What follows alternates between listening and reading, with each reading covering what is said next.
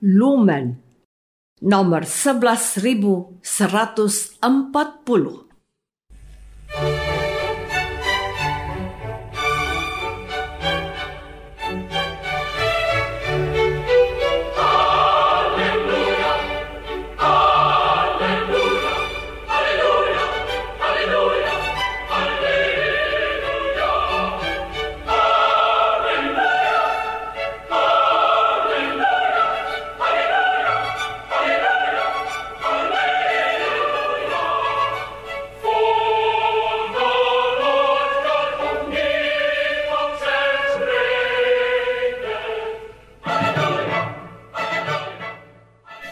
Saudara pendengar di segenap penjuru tanah air, selamat bergabung dengan Lumen Indonesia.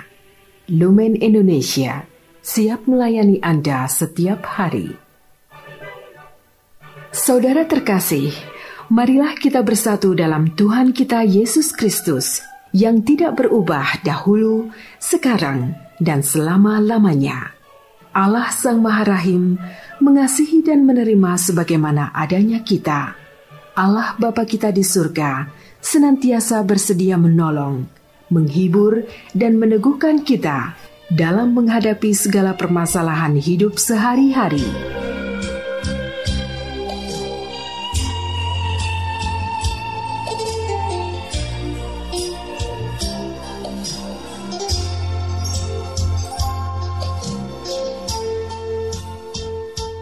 Saudara-saudari, marilah kita mendengarkan renungan dengan judul Tempat yang Suci.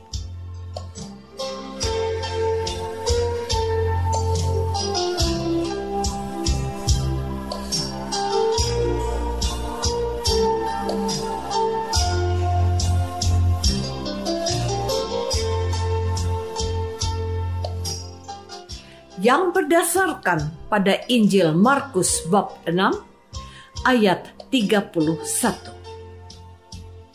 Yesus bersabda, Marilah ke tempat yang sunyi, supaya kita sendirian dan beristirahatlah sejenak.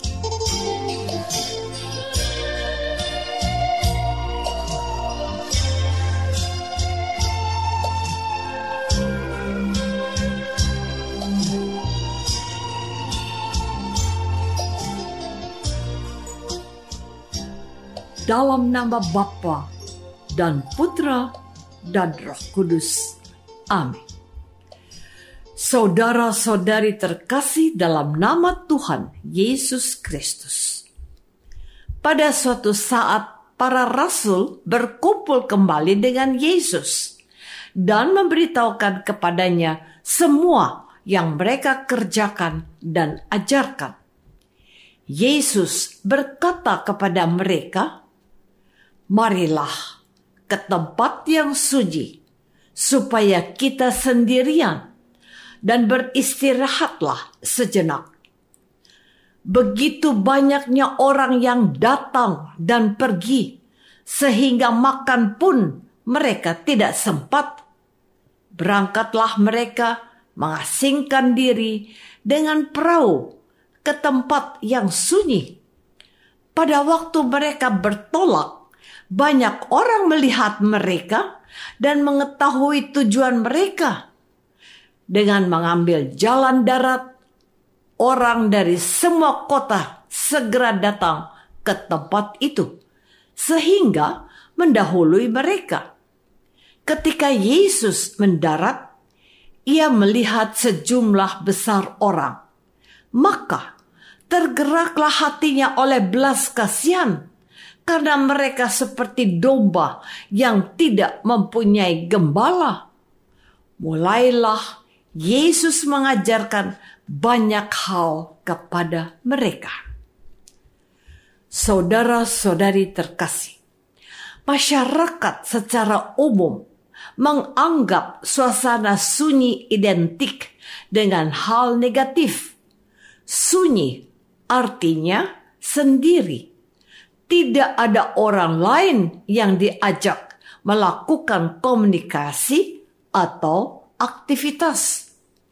Sunyi artinya tidak ada suara manusia yang sedang melakukan sebuah kegiatan. Tempat yang identik antara lain adalah kuburan, yaitu tempat yang memang bukan untuk melakukan aktivitas orang hidup. Puncak gunung atau tengah hutan juga sunyi. Hanya ada tumbuhan atau binatang bisa dikatakan kesunyian identik dengan ketiadaan manusia. Semakin banyak manusia hadir, semakin tidak sunyilah tempat itu. Hanya ada keramaian atau dengung suara. Jadi, sebenarnya manusia itu terbiasa hidup, bahkan mungkin hanya bisa hidup dalam keramaian bersama manusia lain. Hidup manusia mensyaratkan keramaian. Hanya satu dua orang saja yang secara sadar menginginkan hidup dalam kesunyian jauh dari komunikasi dengan manusia. Mungkin dia memang memerlukan suasana itu karena tugas atau profesinya. Barangkali ia ingin mengundurkan diri dari keramaian di waktu hidup sebelumnya. Bisa juga memang dia harus menyepi untuk mencapai sesuatu. Inilah yang dilakukan manusia pada masa lampau ketika mereka dengan sengaja pergi ke hutan gunung, gua, sungai untuk bertapa sendirian hampir sepanjang hidupnya. Ada cerita bahwa di antara para pertapa ada yang tubuhnya menyatu dengan akar pohon di mana dia bertapa. Saudara-saudari terkasih, mengapa Yesus mengajak para muridnya untuk pergi ke tempat yang sunyi? Karena sebelumnya mereka bertemu dengan banyak orang yang datang dan pergi. Jumlah orang yang mengikuti Yesus itu dapat dibaca antara lain dari perikop tentang dua roti dan lima ikan, di mana dikatakan ada sekitar lima ribu orang. Belum terhitung wanita dan anak-anak. Yesus bersama dua belas rasul dan mungkin beberapa pengikut melayani lebih dari lima ribu orang. Sungguh tidak terbayangkan keramaian dan keributan yang terjadi. Situasi itu bahkan membuat Yesus tidak dapat beristirahat dan makan sejenak. Sungguh melelahkan. Jika melayani orang banyak itu terus dilakukan tanpa henti, bisa-bisa malah Yesus dan para muridnya akan kelelahan dan jatuh sakit sehingga pelayanan terhenti. Jadi, ajakan Yesus untuk berpindah ke tempat yang sunyi bersifat praktis, yaitu agar bisa beristirahat. Pada masa sekarang ada istilah yang menggambarkan tujuan ini, yaitu healing, mencari tempat liburan yang nyaman. Manusia memiliki keterbatasan fisik dan psikis sehingga perlu diistirahatkan dan ditambah daya. Pergi ke tempat sunyi pada perikop di atas didasarkan atas tujuan manusia. Saudara-saudari terkasih, di dalam kitab suci dituliskan bahwa beberapa kali Yesus sendirian berada di tempat sunyi, bukan untuk sekedar beristirahat, tapi untuk berdoa. Yesus hendak membawa seluruh pelayanannya kepada Bapa yang mengutusnya. Jadi, berdoa bukanlah sekedar urutan liturgis yang kaku, tetapi menemukan secara intim seseorang yang bisa mendengarkan keluhan. Seseorang yang memahami kesalahan atau kekurangan yang kita buat. Seseorang yang bisa menuntun ke arah yang semestinya. Seseorang yang mendukung kita apa adanya. Intimitas doa paling pas disampaikan di tempat yang sunyi. Yesus sudah mengingatkan agar kita berdoa di dalam kamar yang tertutup. Bukankah pada malam menjelang penyalipannya, Yesus sendirian berdoa kepada Bapaknya dalam ketakutan, tapi juga kepasrahan. Bukankah Yesus sendirian di atas salib dan berdoa kepada Bapaknya? Selesailah sudah. Marilah kita mengikuti Yesus sendirian berdoa secara intim kepada Bapa di surga di tempat sunyi.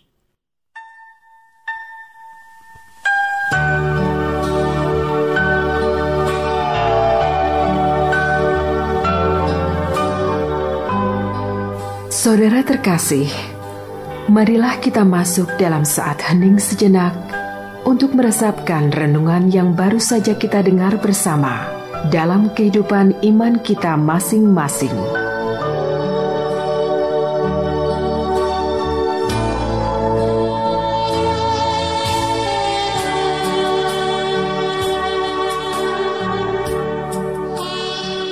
Sudahkah kita berdoa? Sudahkah kita berdoa sebagai hidup kita? Marilah kita berdoa. Ya Tuhan, Engkau hadir di mana-mana, tetapi di tempat yang sunyi, Engkau berkenan mendengarkan doa kami, keluh kesah, dan tangisan kami.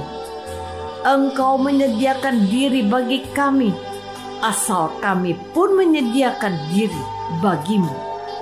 Di tengah kehidupan duniawi, kami yang selalu dalam keramaian, undanglah kami untuk hadir di tempat yang sunyi, hanya denganmu. Engkaulah Tuhan kami, kini dan sepanjang masa. Amin. Semoga kita semua selalu dinaungi dan dibimbing oleh berkat Allah yang Maha Kuasa, Bapa dan Putra dan Roh Kudus. Amin.